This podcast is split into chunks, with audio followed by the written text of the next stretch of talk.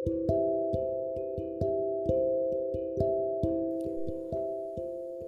yang jatuh tak pernah membenci angin.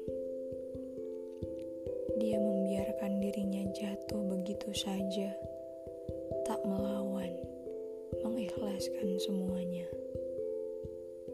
Ucap sang penyair dalam sebuah buku.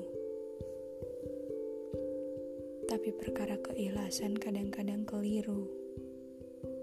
Bahkan, orang ikhlas dikategorikan pasrah dan tak punya hasrat.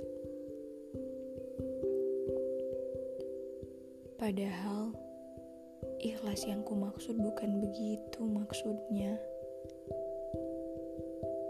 Tapi ikhlas yang menerima ketetapannya setelah berusaha. Orang ikhlas tak berarti orang lemah. Justru ya yang paling kuat. Karena melampangkan hati seluas samudra. Maka penting untuk percaya bahwa ada sutradara terbaik dalam hidup.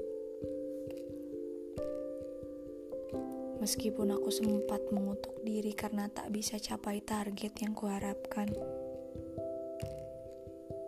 Dan itu sangat sakit. Sangat sakit.